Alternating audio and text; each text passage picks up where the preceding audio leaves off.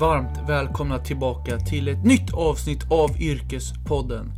Dagens gäst heter Joakim Wahlgren och jobbar som finansiell rådgivare och har titeln Head of Lean Business på Söderberg och Partners. Söderberg och Partners är Nordens största förmedlare inom tjänstepension, företagsförsäkringar, kapitalplacering och sparande. För både företag och privatpersoner. Vi pratar om Joakims uppväxt, vägen in i finansbranschen, vilka är Söderberg Partners? Vad är hans titel och hur ser en vardag ut för en finansiell rådgivare? Söderberg Partners har nyligen öppnat ett nytt projekt, SOP Academy, som är ett traineeprogram jag själv är inne på och där Joakim är en av initiativtagarna till. Nu kör vi igång detta avsnitt.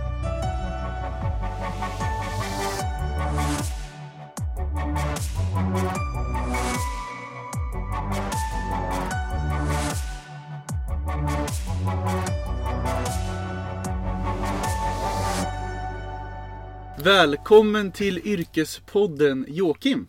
Tack så hemskt mycket. Kul Hur- att vara här. Hur är läget? Ja men det är bra. Eh, det är ju fredag idag. En eh, rolig helg framför mig så att nej, det är bra. Kul. Du, vi kan ju börja lite med vad, vad händer i ditt liv just nu? Det händer väldigt mycket i mitt liv. Eh, både på jobbet men också privat. Eh, det är alltid mycket spännande projekt på gång på jobbet. Eh, men privat så håller jag på att ta jägarexamen. Så att det ska jag Mhm. göra nu i helgen. Skjuta upp och skriva teoriprovet. Eh, och sen så håller jag också på att ska flytta tillbaka till västkusten här om några månader. Så att vi håller på att försöka sälja vårt hus här uppe. Ah, Så att det är mycket med det. mm. Spännande. Mm. Jag tänkte så här, vi börjar lite med en faktaruta för att lära känna dig lite bättre då. Ja, Så du får bara en fråga här så är det bara shoot. yes. Eh, ålder? 30. Familj? Sambo och två barn. Utbildning? Eh, Jag läste ett eh, kandidatprogram, eh, affärsjuridisk kandidatprogram i Jönköping. Bor? Gottröra i fyra månader till nu då. Sen blir det tillbaka till Göteborgstrakten. Okej. Hobby då? Eh, Jag är en periodare, så jag har ägnat mig åt ganska mycket saker. Ganska intensiv period. Dock korta. Men eh, fiske har ändå alltid varit bestående, ska jag säga. Jag älskar att fiska. Förstår. Du, vad lägger du pengar på då? Jag amorterar och betalar ränta på mina bolån. Skittråkigt. Eh, Jag amorterar inte mer, mer än de, eh, många andra men det är ju lätt den största utgiften jag har. Ja, det... jag förstår. Du, eh, vilka språk talar du då? Eh, svenska och engelska. Jag läste ju spanska. Alltså jag har läst det i sex år. Så jag skulle ju gärna vilja säga att jag kan det. Men eh, tyvärr så kan jag nog inte skriva med det. Jag kan typ säga vad jag heter och fråga när bussen går. Ja. Då är vi på samma nivå här. Ja, sen eh, naturligtvis norska Mm. kan jag säga. Du kan inte bara sitta här och snacka massa dritt. Och så danska kan jag säga. Eh, Dun mig schmuck p. Du är en fin tjej. Jaha. Den har vi dragit några gånger i Danmark. Ja. Ja, eh, favoriträtt att äta då? Jag älskar ju mat. Klyschigt svar. Men nej, jag havskräftor. Det är västkusten. Ja. Just det. Ja. Ditt drömyrke när du var liten? Vad var det? pilot. Strid, Pilot. Stridspilot. Varför? Eh, jag, jag lekte ofta att jag flög liksom. Jag, jag hade flygplan i handen och ibland kunde bara min hand vara plan. Jag gick runt liksom och, och vevade runt i luften och lekte att det var ett flygplan. Jag antar att det har med någon slags frihetskänsla att göra. Ja. Blir du också så här lite starstruck när piloterna kommer på flygplatsen? Ja, alltså 100 procent. Då får jag alltid så här existentiella tvivel och fundera på vad, vad har jag gjort med mitt liv? Var, varför är det inte jag som går där? Och det händer rätt ofta för jag reser ju liksom i jobbet. Mm. Eh, så ja, det stämmer till 100 procent. Eh, favoritklädesplagg? Jeans, 100 procent jeans. Alltså jag har ju mycket kostym på jobbet och när jag kommer hem så tar jag inte på mig mjukisbrallor utan då är det jeans. Oj, det låter hemskt. Nej, jag- mina... Ja, jag tycker det är superskönt. Jag vet inte, jag älskar att ha på mig jeans. Det finns en låt som heter Gymma jeans. Mm. Kan jag rekommendera. Jag får lyssna på det. Okej, favoritställe att resa till då? Eh, Jag tror jag ska skrälla lite här och säga danska västkusten. Finns eh, väldigt många fina ställen där men eh, ett, en återkommande ort är Blockhus. Eh, dit jag har åkt med mina föräldrar och mina syskon och nu även då min sambo och våra barn. På hösten. Lite folk, väldigt mycket god fisk man kan köpa i fiskaffärerna, fina stränder. Ja, nej. Så, Mm. Danska västkusten. Härligt. Du, vi hoppar ur den här äh, uh, lila faktarutan och uh, vi backar bandet lite och så frågar vi, eh, vart är du uppväxt någonstans? På två ställen. uh, Men framförallt är jag uppväxt på Tjörn. Det är en ö sju mil norr om Göteborg. Där bodde jag mina första tio år i livet. Sen så flyttade jag med mina föräldrar och mina syskon till Idre. Vi bytte miljö helt liksom från Bohuslän egentligen upp till en liten by som heter Drevdagen. Två och en halv mil norr om Idre. Där bod, spenderade jag fyra år gick eh, halva lågstadiet och hela mellanstadiet där. Eh, snö, skidåkning, snöskoter. Eh, den skolan jag gick på, vi var bara 25 elever. Eh, och sen så flyttade vi tillbaka Mm. till Tjörn igen.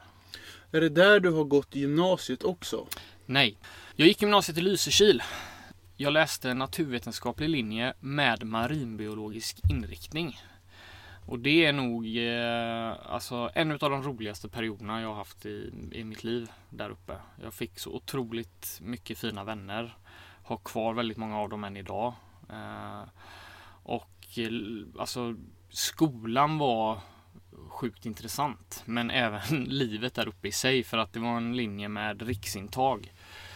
Så att eh, alla flyttade hemifrån i stort sett som började där. Man var bara 16 år.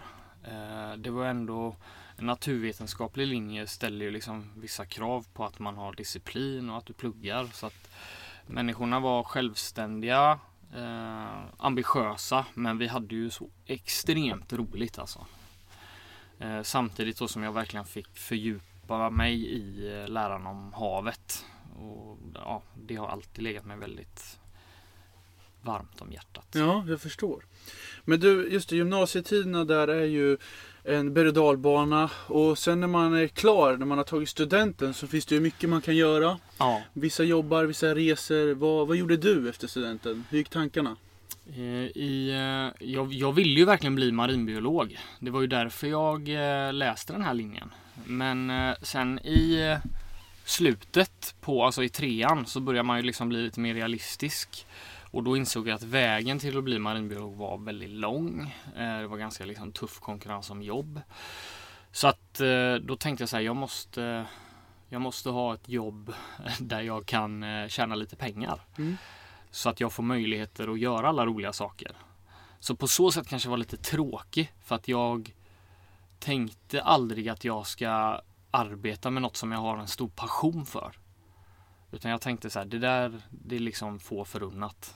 Eh, och då var det ju igen, så, så jag började plugga vidare direkt. För jag var väldigt liksom målinriktad på att jag ska bli klar, jag ska tjäna pengar för att ha möjligheter att göra roliga saker. Just det.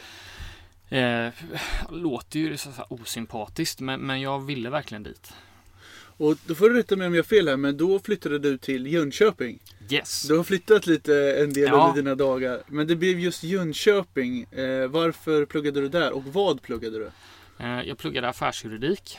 Eh, och anledningen till att jag hamnade i Jönköping det var egentligen att jag, eh, jag Jag kom ju fram till att om jag nu ska få ett jobb där jag kan ha en bra karriär så behöver jag bli civilingenjör, eh, advokat eller läkare.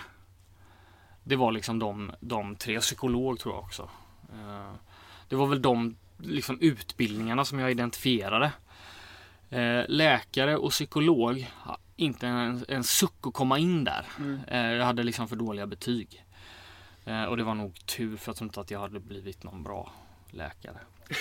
eh, och eh, samma på djurkand-programmet kom inte heller in. Jag hade typ VG i snitt liksom, men där var du ju tvungen att ha bättre betyg. Så att då blev det affärsjuridik. Eh, där, där kom jag precis in, ska sägas. Eh, Jönköping låg rätt nära liksom Göteborg, kändes inte som en extrem flytt. Så att ja, därav. Jag hade inget som helst intresse av juridik eller liksom ekonomi innan jag började där ska sägas. Utan det var enbart att det där passar mig på papper. Just det. Och det är ett treårigt program eller är det fyra år? Det är ett femårigt program Femårigt? uppdelat på en kandidatdel och sen en master. Just det. Men jag tog bara, jag gick bara kandidatprogrammet. Ja, ja men det är lite liknande här. Jag gick också kandidat här i Örebro. Det fick räcka med tre år. Ja, verkligen. Men du, eh, efter examen då? Eh, Då är det ju dags att börja jobba. Mm. Eh, vad, vad gjorde du då? Eh, ja, men jag, faktiskt var det så här att mitt första år på högskolan så kom ju finanskrisen. Och jag hade alltid jobbat för min eh, pappa. Han drev eget bolag inom industrirengöring. Så att jag jobbade alltid på, alltså inom fordonsindustrin på sommar och lov och sånt där med att göra rent fabrikerna. Och så jag hade aldrig riktigt funderat över att skaffa jobb. Men då när finanskrisen kom 2008 så sa ju eh, alla de här stora jättarna i Sverige sa ju upp alla kontrakt med underleverantörer. Eh, och då var det lite osäkert hur det skulle bli där en sommar. Och då så började jag söka massa jobb. Alltså, för jag ville ha ett sommarjobb. Så när jag eh, Medan jag pluggade så gick jag ut på stan alltså, och lämnade mitt CV på säkert 50 olika ställen. Ja, okej. Mm. Det var restauranger, eh, revisionsbyråer, bemanningsbolag, banker, ICA-affär. Alltså allt gick jag in och lämnade min CV på. Ehm, och eh, Vem nappade till slut? Då? ja, det var inte så många som nappade faktiskt.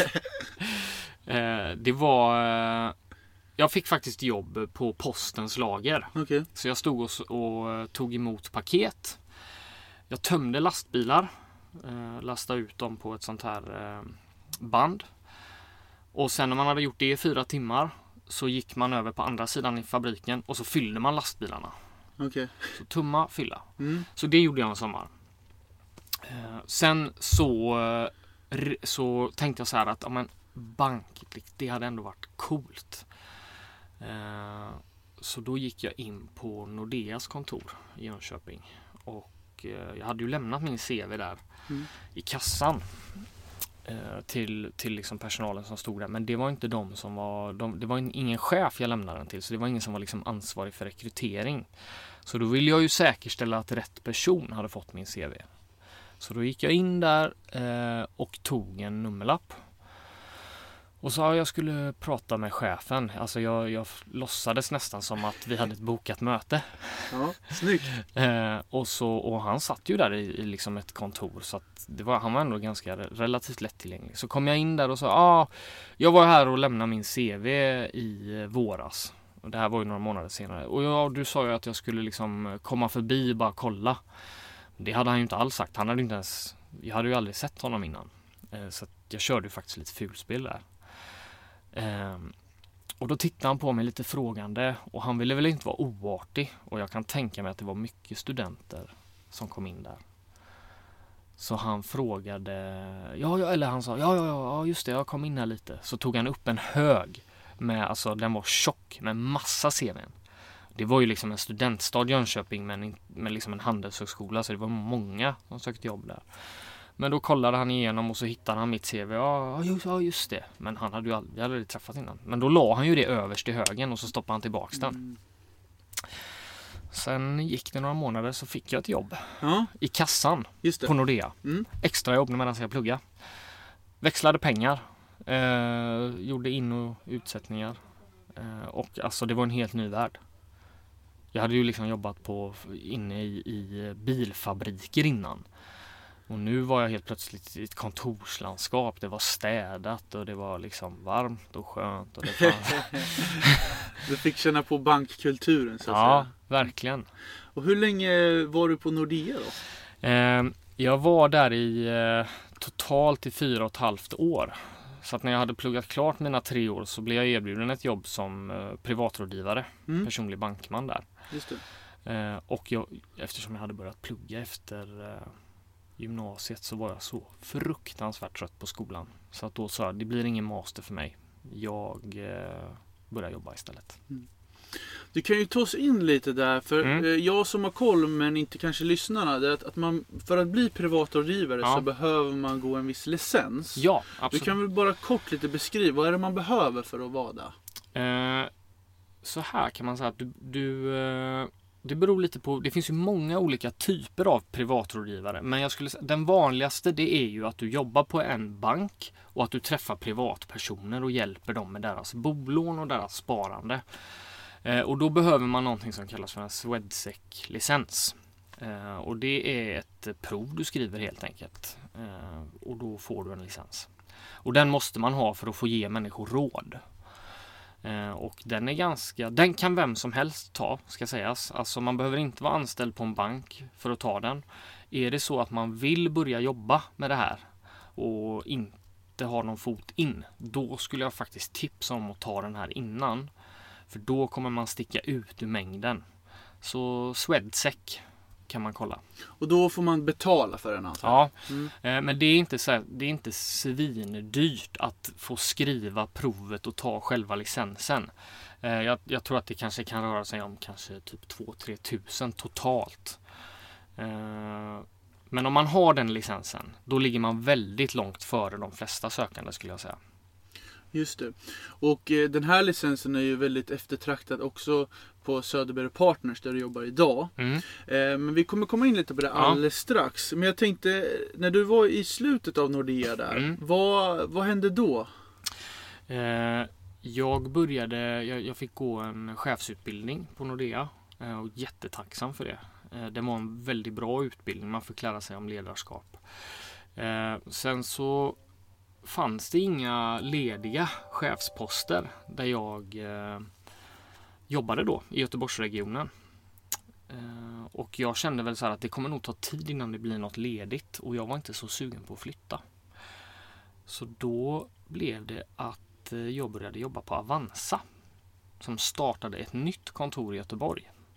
Så att jag fick vara med och bygga upp det. Mm. Och det var Ja, det var också en sån där, precis som i gymnasietiden så var de åren, det var också så väldigt, väldigt roligt. Just det, och det här var i Göteborg då? Ja, Just det, så du flyttade tillbaks till Göteborg efter Jönköping? ja där. precis. Jag jobbade i två år på banken i Jönköping, Mm. eh, Nordea, och sen så gjorde jag två år i Göteborg på Nordea. Just det. Men vad fick du göra på Avanza då? Ja, då var det ju, eh, då var det ju mer fokus på det som kallas för tjänstepension. Jag skulle säga att eh, om man, om jag bara får gå tillbaks lite när jag var på Nordea så var ju det en väldigt, väldigt bred roll. Alltså det är den, det, det var den bästa skolan jag kunde få för att liksom förstå finansbranschen för att man fick hjälpa människor med bolån. Som kan, alltså det är ju den största produkten skulle jag säga. Man fick hjälpa dem att placera sina pengar både privata pengar och pensionspengar. Man skulle hjälpa dem att teckna hemförsäkring. Eh, ja, det, var, det var väldigt, väldigt brett. Men på Nordea, eller på Avanza, förlåt, då blev det, då blev det specialiserat på tjänstepension. Man skulle övertyga arbetsgivare och företag om att lägga sina tjänstepensioner i Avanza. Så att det var ju väldigt, det var ju en helt annan säljådra som kom in där. Och jag tyckte det var skitkul. Mm. Fan kul. Men du, eh, om vi går in lite på just Söderberg och Partners. Mm. Du eh, jobbade på Avanza och sen så eh, bytte du till Söderberg och Partners. Var, Mm. Varför blev det just Söderberg och Partners?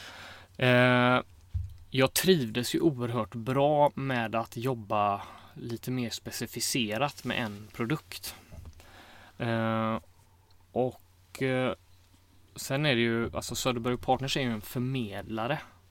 Till skillnad från eh, ja, men eh, Avanza exempelvis eller andra, alla andra banker och försäkringsbolag. De har ju, de har ju sitt, sitt eget. Eh, medan Söderberg och Partners, de, de erbjuder ju en hel palett. De kan ju erbjuda alla, alla branschens aktörer. Eh, och dessutom så vill jag tillbaks till det här med rådgivning.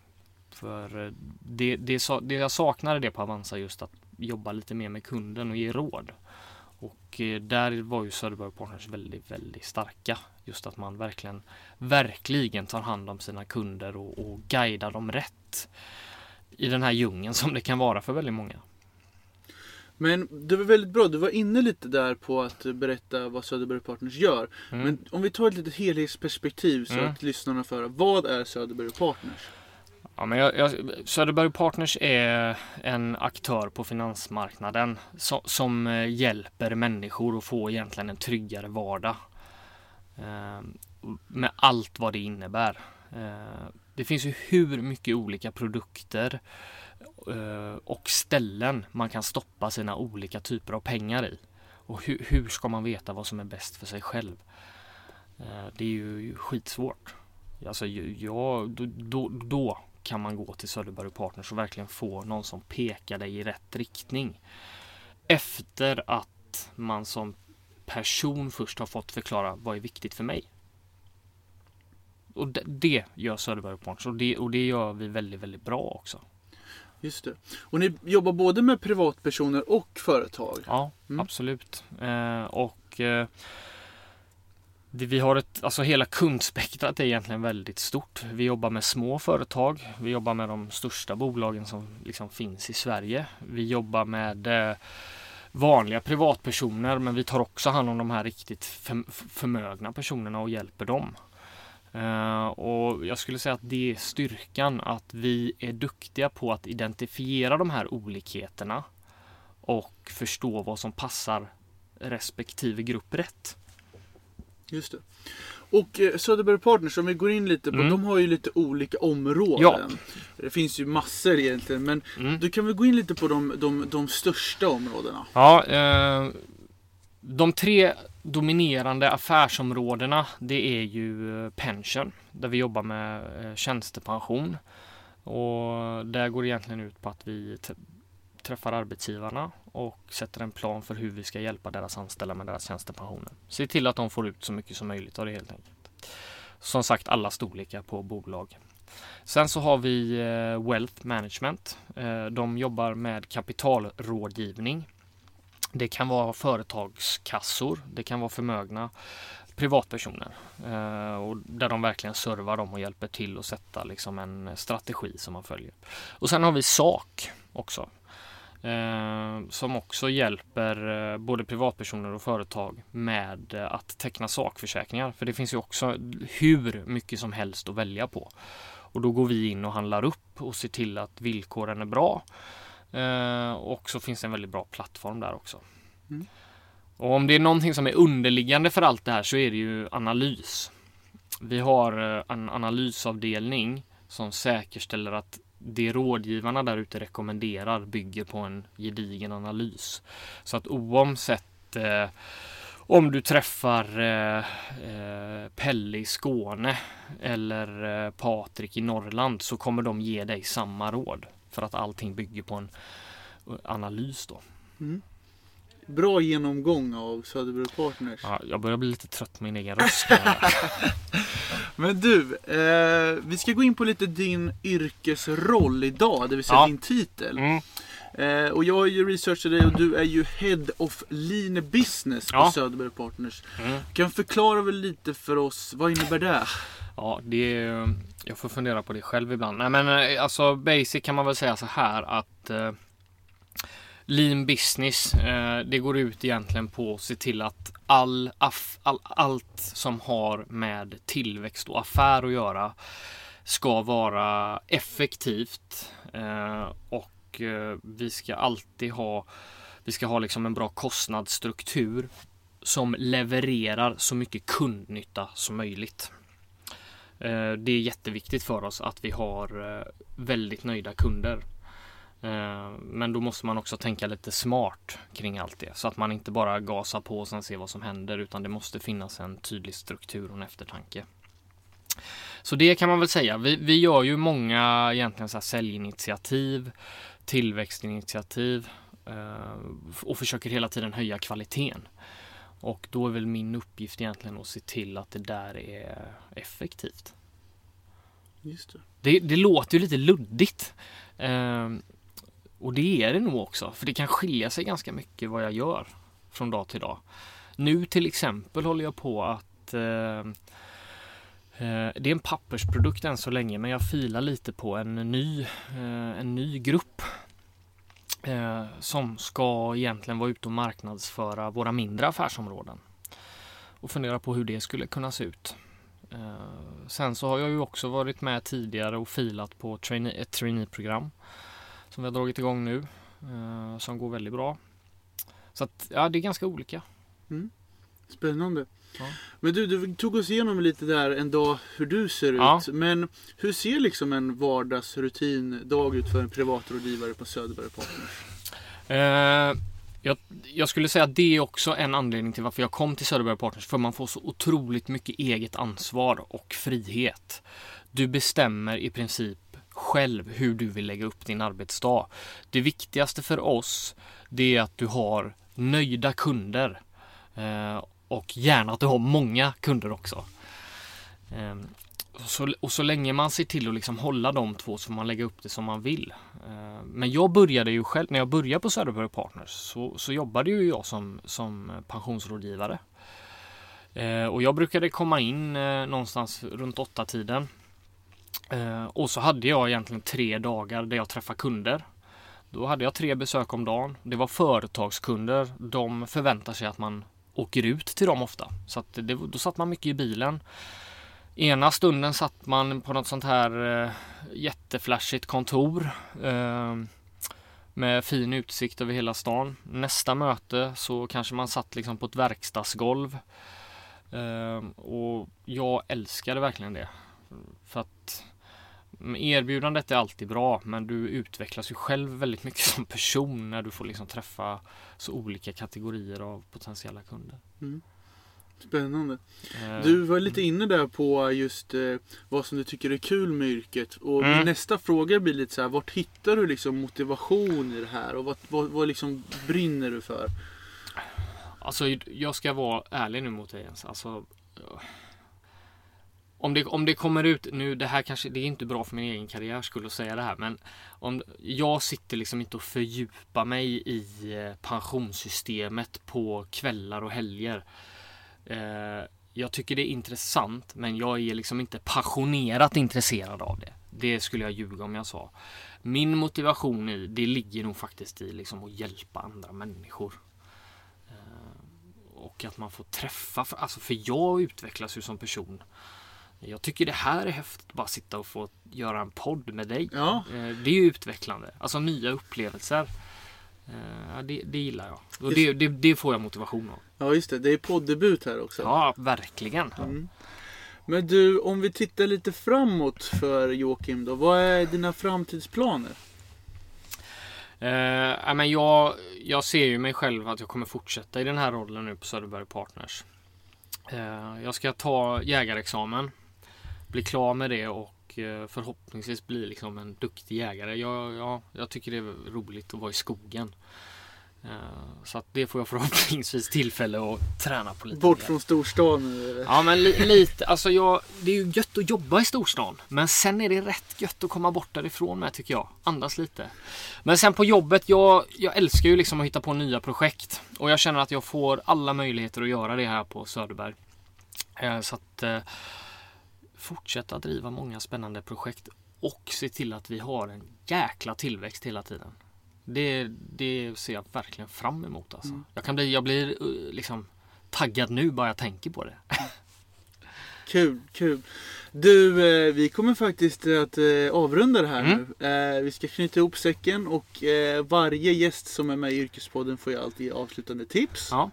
Så jag tänker här, du som har jobbat som privatrådgivare länge och har bra erfarenhet av det här. Mm. Kanske är det någon lyssnare här som tänker att ah, det här yrket verkar spännande. Mm. Vad bör jag tänka på? Mm. Så då ska du få ge tre avslutande tips Ja. till eh, hur man blir en bra privatrådgivare och vad man ska tänka på. Ja. Så tips nummer ett. Eh, Gör det som förväntas av dig. Då kommer du komma extremt långt. Du behöver inte överleverera. Underleverera ska man absolut inte göra. Men gör det som förväntas av dig. Snyggt. Tips nummer två. Åh, jag har inte tänkt ut de här. Fan, vi får pausa lite nu. Nej, nu får vi lite spontant här. Eh, Det är alltid bäst. nu ska vi se. Tre tips. Okej, ja, nummer två då. Eh, kom i tid och vå- ja, kom i tid. Mm, det är jättebra. Och ett tredje avslutande tips. Våga ta hjälp och satsa på att ha en bra relation till din chef. Det var två tips. Men det- jag tycker ändå de, eh, Vi fick de går ihop allting hand. jättebra. Ja, bra. Men det är alltid kul med spontant för det, det är liksom där jag vill ha. Ja, bra. Mm. Och jag, men jag vill faktiskt trycka på nummer ett lite för att många kommer in och har sådana extremt höga krav på sig själv. Att man ska kunna allt direkt och att du ska vara bäst med en gång. Och jag har sett ganska många fall där det till slut sänker individen. Alltså jag har själv varit lite åt det hållet. Men eh, jag har lärt mig det att alltså, om du bara gör det du ska och, och din chef liksom är medveten om hela tiden dina styrkor och svagheter och du är öppen för att ta hjälp. Då, då blir man en väldigt uppskattad medarbetare och det kommer man alltid gynnas av. Eh, och det, det Eftersom vi pratar om privatrådgivning så är det ju alltid risk kontra avkastning på din investering. Då, då skulle jag säga att det förhållandet är optimalt. Alltså investera den energin som krävs, men investera inte för mycket. För att den avkastningen kommer inte stå i proportion till det du investerar. Så att se till att göra det du ska. Det räcker extremt långt. Grymt. Du eh, Joakim, tack så jättemycket att du var med i Yrkespodden. Tack så hemskt mycket för att jag fick vara med Jens. Det var roligt. Då säger vi hej då. Hej då! Hej hörni, Jens här från Yrkespodden. Hoppas ni tycker om podcasten och se till att prenumerera på Yrkespodden i din poddapp. Det finns på Spotify, iTunes, Acast, Soundcloud. Ja, ni vet, där alla poddar finns. Jag finns också på LinkedIn, Jens Jangdin, och även på Instagram, där jag också heter Jens Jangdin. Tack så mycket!